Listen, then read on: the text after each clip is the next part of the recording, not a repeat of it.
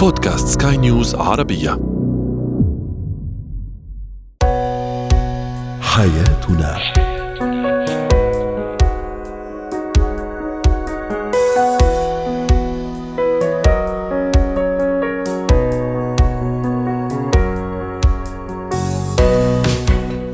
مستمعينا الكرام أهلا بكم معنا إلى حياتنا. فضاؤكم اليومي الذي يعنى بشؤون الأسرة وباقي الشؤون الحياتية الأخرى والذي يمكنكم الاستماع إليه عبر منصة سكاي نيوز dot com slash podcast وباقي منصات سكاي نيوز العربيه الأخرى. شاركونا عبر رقم الواتساب 00971 561 88 معي أنا آمل شاب اليوم نتحدث عن الصراحة بين الشريكين لكن بحدود عندما يتكلم الشريك عن ماضيه لشريكه عن أسرته وعن كل ما يتعلق به كيف سينعكس ذلك على العلاقة بين الزوجين. كيف نعلم الطفل التعبير عن مشاعره؟ وأخيرا اتيكيت ارتداء المجوهرات.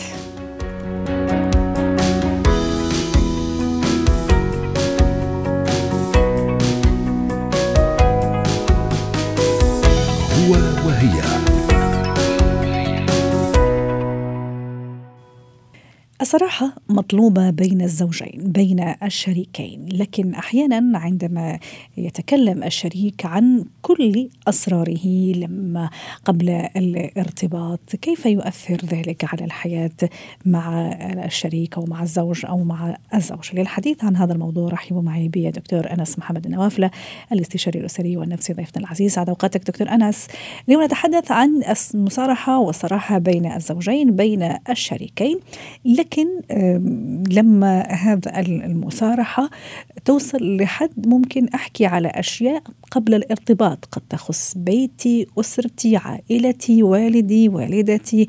ممكن أنا كنت مرتبط كزوج مرتبط ممكن آه، في فترة خطوبة ثم فسخت الخطوبة أو كمان كنت مرتبطة آه، فترة خطوبة ثم فسخت الخطوبة. هل هذا الأشياء فعلا تؤثر آه، بعد الارتباط بعد دخول مؤسسة الزوجية ومؤسسة الزواج؟ هل تؤثر؟ هل تثير بعض الشك بعض الريبة؟ كيف تؤثر على العلاقة بينهما؟ يعطيكم العافية. في البداية ومساء الخير للجميع ورمضان كريم. علينا وعلينا هلا اليوم لا شك يعني أنه أحيانا نتحدث كثيرا عن موضوع العلاقة ما بين الأزواج. سواء كانت هذه العلاقة مبنية على أصول سليمة أم على أصول غير سليمة. ولكن عندما نتحدث عن موضوع العلاقة والحدود ما بين الأزواج علينا أن نفهم وعلينا أن نتذكر أننا أشخاص في هذا الكون. ونحن في هذا الكون لدينا مشاعر ولدينا أحاسيس ولدينا الكثير من الأمور التي قد تؤثر والتي قد تجرح مشاعرنا. عندما نتحدث عن الصراحة من المنحى النفسي هي تكون أو مكون أساسي من الراحة النفسية للأشخاص. فلذلك علينا إحنا أن نتحدث دائما بكل صراحة عن ما يتم معنا في هذا الكون وفي هذه الحياة. الصراحة هي تجلب السعادة، تجلب الراحة النفسية، تجلب الاطمئنان، تجلب الثقة في كل نواحي الحياة أيوة. المختلفة لكن هل كذلك في كل من يعني لما نتحدث في كل شيء يعني كشريكين كزوجين بما في ذلك كما قلت آه، ممكن أنا كنت مرتبطة قبل الارتباط مع الزوج الحالي أو الزوجة الحالية ثم لسبب أو لآخر لم يتم هذا الزواج أو تم فسخ الخطوبة. ممكن أسرار في عائلتي أو أسرار في عائلتي أنا كزوج أو كزوجة. يعني ما الذي يفيد في في في, في علاقتي الحالية مع زوجي أو مع زوجتي؟ آه، هل بالعكس كمان هي من باب المكاشفة والمصارحة أنه عندي زوج متفهم أو عندي زوجة متفهمة فلا بأس أنه إذا إذا عرفت شيء من هذا الماضي أو عرف شيء من هذا الماضي لأني أنا واثق أو واثقة أني ما عملت شيء خطأ لكن من باب المكاشفة أم لا؟ بالعكس أنه هذا المكاشفة حتى وإن كانت بنية طيبة مني كزوج أو زوجة لكن ستفهم لاحقا أنه يعني وستكون ربما باب سيفتح لمشاكل أكثر. جميل جدا سؤال جميل. دائما عندما نتحدث عن العلاقة وعن شريك الحياة الصراحة دائما يجب أن تتم في ثلاث نواحي أو ثلاث اتجاهات. علينا أن نعرف دائما عندما تتم المصارحة أول شيء ألا يكون هنالك جرح لمشاعر الآخرين أن لا تضره. هذه الصراحة انه ما يكون لها تأثير سلبي. أيضا إيه لكن مثلا إذا إذا أنا مثلا خبرت لزوجي مثلا أني أنا كنت مرتبطة ممكن إيه راح يتفهم أو يعمل حاله إنه متفهم لكن ما تعتقد إنه بعض من الغيرة بعض من أحيانا الشك كمان قد يتسلل إليه نفس الشيء بالنسبة لي؟ الزوجة إذا خبرتها أنا كزوج إني ممكن كنت مرتبط أنا ببنت عمي ببنت خالي لكن ربي ما أراد وفسخت الخطوبة. ألا تعتقد إنه كمان الشك قد يتسلل إليه؟ يعني شو فائدته شو جدوى إني مثلا أخبرها هيك شيء أو إني أكون صريح معها في هيك أمر أو صريح معها في هيك أمر؟ هلأ كثير من الأمور اللي بتتعلق في موضوع الصراحة أنا دائما يعني حتى في الأمور هاي ما لازم والله إني مثلا أفصح عن الأمور بتفاصيلها وحيثياتها، يعني جميل جدا إنه الزوج أو الزوجة يعني إنه كاشفوا يصارحوا في كثير من الأمور وبعض الأمور والله أنا كان في مثلا آه، ارتباط مثلا مع شخص آخر ولكن حدود الارتباط ما تم للأسباب التالية، ما كان للأسباب الواحد اثنين ثلاثة أربعة، بمعنى إنه دائما أحيانا ممكن تكون الأمور عكسية. يعني بما معناه كثير من الأزواج إنه ما بتفهموا والله أنا ما بتفهم زوجي إذا أنا مثلا ما صارحته خلال فترة. يعني أحيانا في كثير من الأزواج ببلشوا إنهم يبحثوا في ماضي الأشخاص. يعني إذا ما كان في بعض الصراحة وبعض الأمور فبتلاقيه هو ببحث ببحث في هذا الماضي ببلش يكتشف الأشياء. واحيانا هون قد يكون نوع من الشك أو نوع من الأشياء التي تؤدي إلى حدوث علاقات سلبية أو توترات في العلاقة الزوجية ما بين الأشخاص. يعني قصدك في حالة إذا لم أصارح بهذا الموضوع كمان ممكن شخص آخر سينبش سيبحث بطريقته أو بطريقتها وتكتشف مثلا هذا النوع من من من أو هذا الشيء اللي أنا خبيته على على الشريك الحالي، يعني في كل الأحوال اي في كل الأحوال سواء قلت ممكن أحيانا أقع في فخ الشك، لم أقل كمان أقع في فخ الشك, الشك عفوا آه، معناتها في طريقة وفي أسلوب وفي توقيت معين وفي توقيت محدد لازم نحكي فيه في هيك مواضيع دكتور؟ 100% آه أنا شو اللي بدي مثلا في شغلة يعني كمان أنا بحب إني بس أوصلها للجمهور إنه دائما أحيانا هي الشريك والشريكة قبل ما يتزوج أو قبل ما يرتبطوا هنالك علاقة سابقة يجب أن تكون بينهم. بما معنى؟ إنه يكون هنالك تعارف سابق قبل عملية الزواج. هاي المعرفة اللي خلينا نسميها مثلا فترة الخطوبة أو فترة التعارف ما قبل الخطوبة أحيانا تتم. هاي هي مؤشرات إيجابية حتى يفهم الطرفين بعضهم البعض. يعني ليش هنالك خطوبة أو ليش هنالك يتم تعارف ما بين طيب. الأزواج؟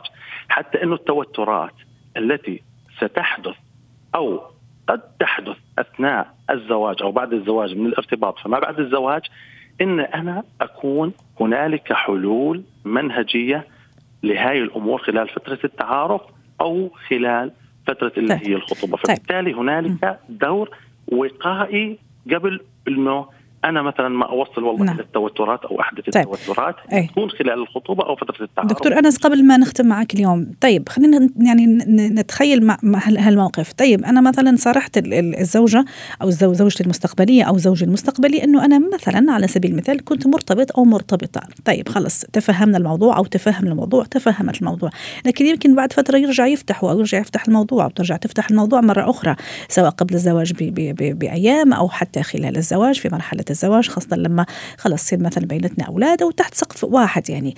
كيف هل أقفل على الموضوع؟ هل أرجع مرة أخرى أكد له أطمنه أنه لا أنا خلاص هذا المرحلة انتهت و... و... والأمور خلاص انتهت فترة الخطوبة وهذا الشخص انتهى من حياتي وهذه السيدة انتهت من حياتي. ف أنا تركيزي الآن على بيتي وأسرتي لأنه أحيانا كمان ترجع الأسئلة تقفز مرة أخرى لذهن هذا الزوج أو ذهن هذه الزوجة باختصار. جميل جدا. هلا باختصار.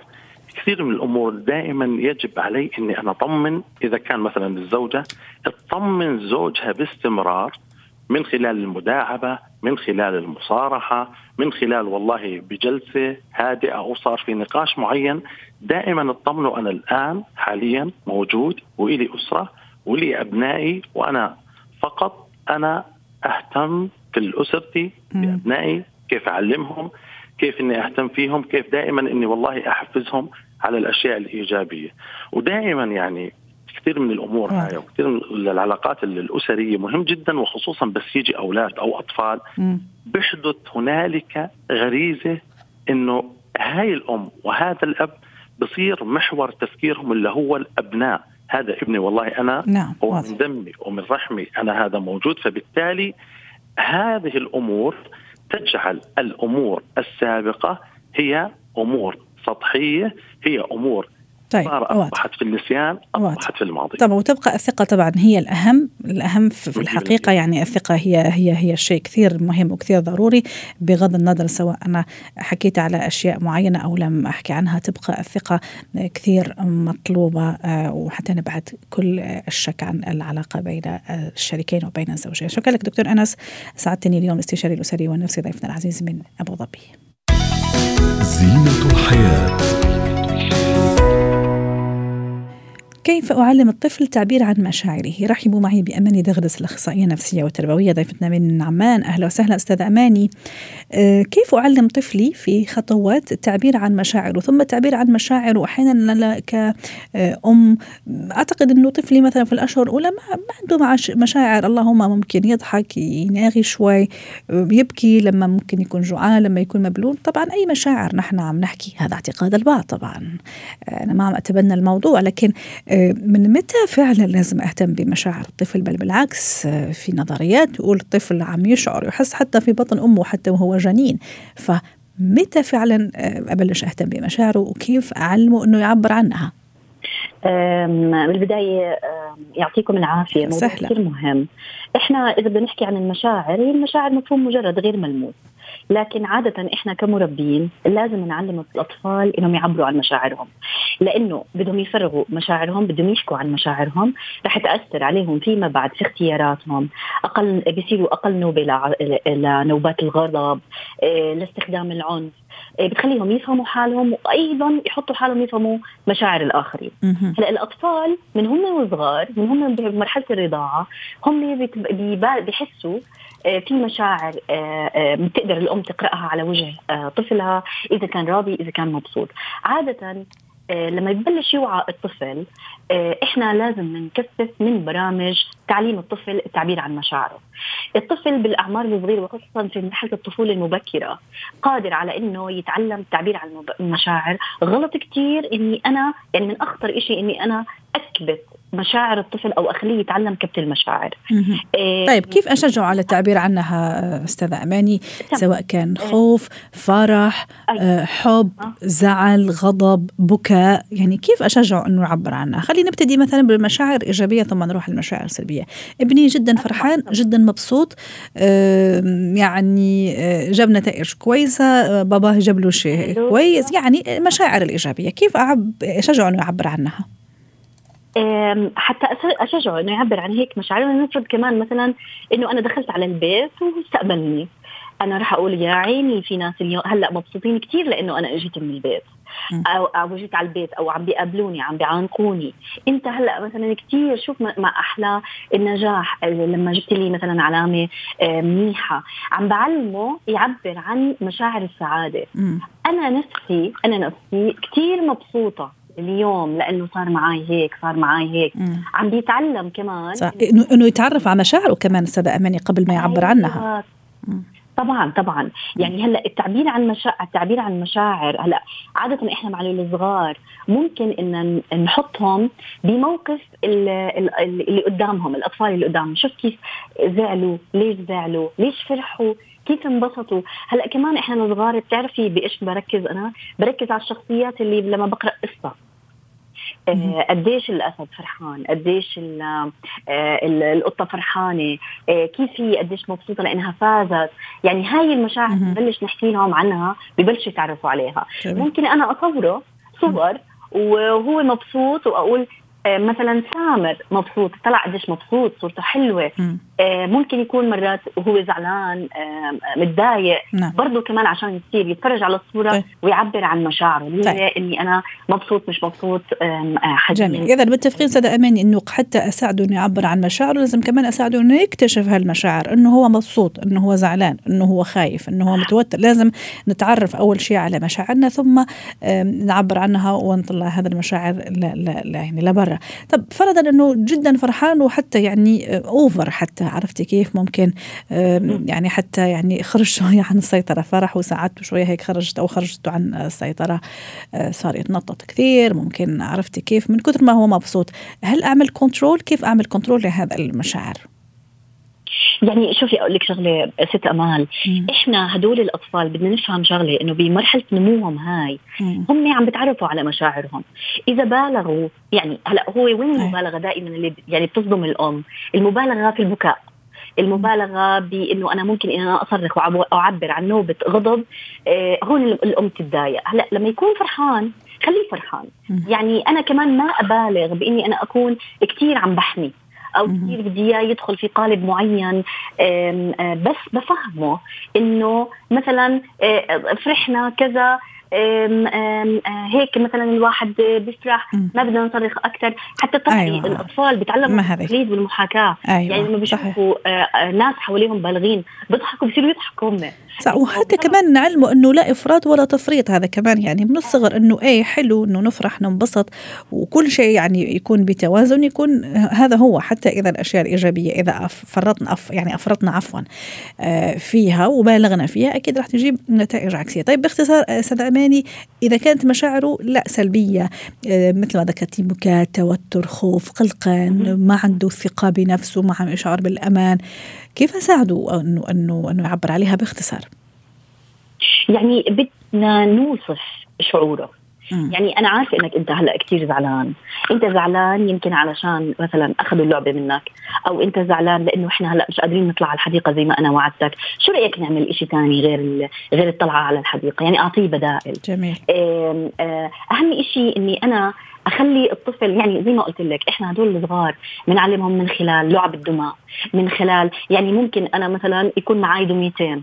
الدمية انسحب منها شيء وزعلت. بوصف له ليش شو رأيك إنه ليش هي زعلت؟ آه، شو كان ممكن إنه إنه كيف أخليها ترجع تفرح مرة ثانية؟ آه، كمان الطفل لما ببالغ بالبكاء بينحكى معه إنه أنا عارفة إنك أنت زعلان بس وخلص تغلق على الموضوع. يعني ما تضلها بمجادلة معه. أنت عملت هيك وأنت زعلان هيك وأنت ما بصير تعمل. بعض الأمهات قد يرتكبوا هذا الخطأ. زعل انتابه نوبه غضب بحسب عمره. واضح. أنا بغلق على الموضوع. واضح. زي ما قلت لك الدمى. مشاركة أهم شيء أهم شيء الأم والأب بيشاركوا مشاعرهم مع الأطفال. يقولوا للطفل إنه إنه أنا آه، يعني إنه لا آه، إذا أنا ضليت أكبت له مشاعره مم. وما أهتم هو رح يحس إنه هو ما له تقدير ما له ما له اهتمام رح تنعكس عليه سلبا شكرا لك دكتور أمان أماني دغلس أخصائية نفسية وتربوية ضيفتنا عزيزة من عمان. اتكات المجوهرات الثمينة. من منا من السيدات لا يعني تحب ارتداء المجوهرات الثمينة. اليوم نتحدث عن اتيكيت ارتدائها رحبوا معي بسارية الخير. خبيرة الاتيكيت ضيفتي العزيزة أهلا وسهلا بسارية كل عام وأنت بخير. آه، رمضان هو آه، عدا أنه طبعا شهر فيه كثير من الروحانيات والعبادات عفوا والتعبد.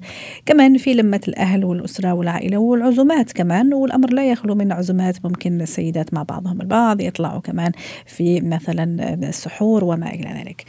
آه، أكيد إنه السيدة يعني تختار وتضل تختار مثلا شو راح تلبس لها هيك مناسبات ومن بينها ارتداء المجوهرات اللي هو شيء كثير ضروري إكسسوارات كثير مهمة في آه، يعني طلة السيدة. شو هي ارتداء أو اتيكيت ارتداء المجوهرات بما في ذلك الألماس كمان؟ okay. أول شيء حابة إنه بلش كل كل شيء بنحكيه بكلمة آه، كثير لازم ننتبه عليها. إنه المجوهرات والألماس والذهب اللي نحن بنلبسه هو ليس لإظهار مستواي المادي أو السلطة اللي أنا بكون فيها أو شيء الدليل كل ما كان الأشخاص على حتى من ال royal family حتى بشيء بيكونوا لابسين قطعة بسيطة جميلة بتعبر. حطي ببالك دائما إنه لما بدك تلبسي قطعة مجوهرات هي لإضافة جمالية للشيء اللي أنت بتلبسيه. بغض النظر كانت القطعة صغيرة أو كبيرة الموضوع لا يتجاوز هذا الحكي. أما بالنسبة للأشخاص مثلا بنشوفهم طبعا إحنا بنشوف بلوجرز عم يلبسوا عم يحطوا عم يحطوا هذا دعاية ليس ضروري إنه أنا أقلدهم.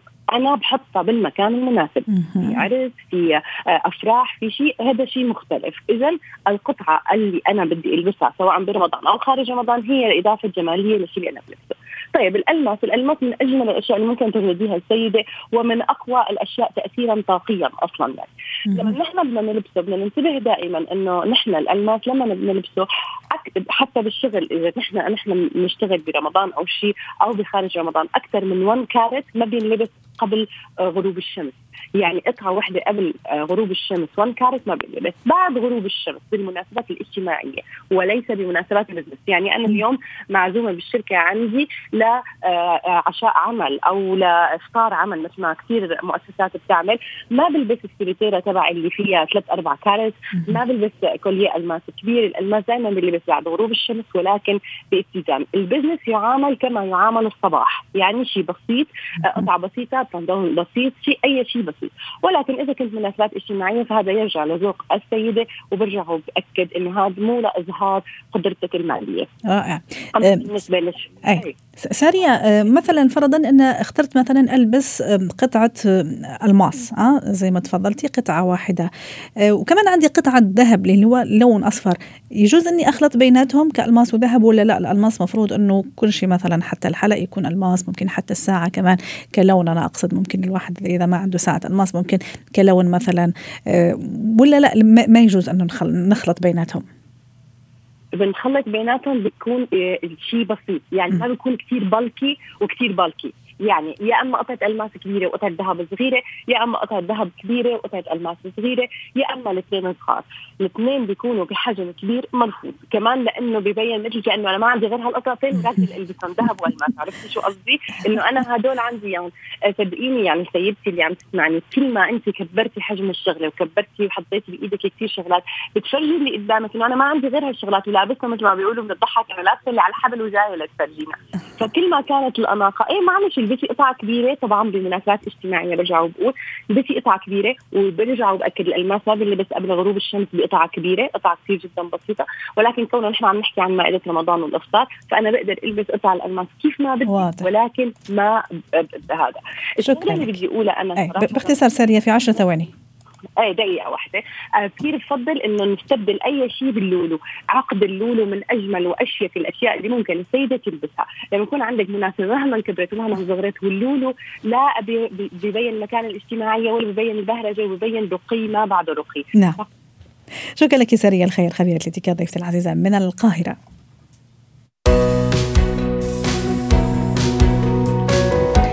ختم حلقة اليوم من حياتنا. شكرا لكم وإلى اللقاء.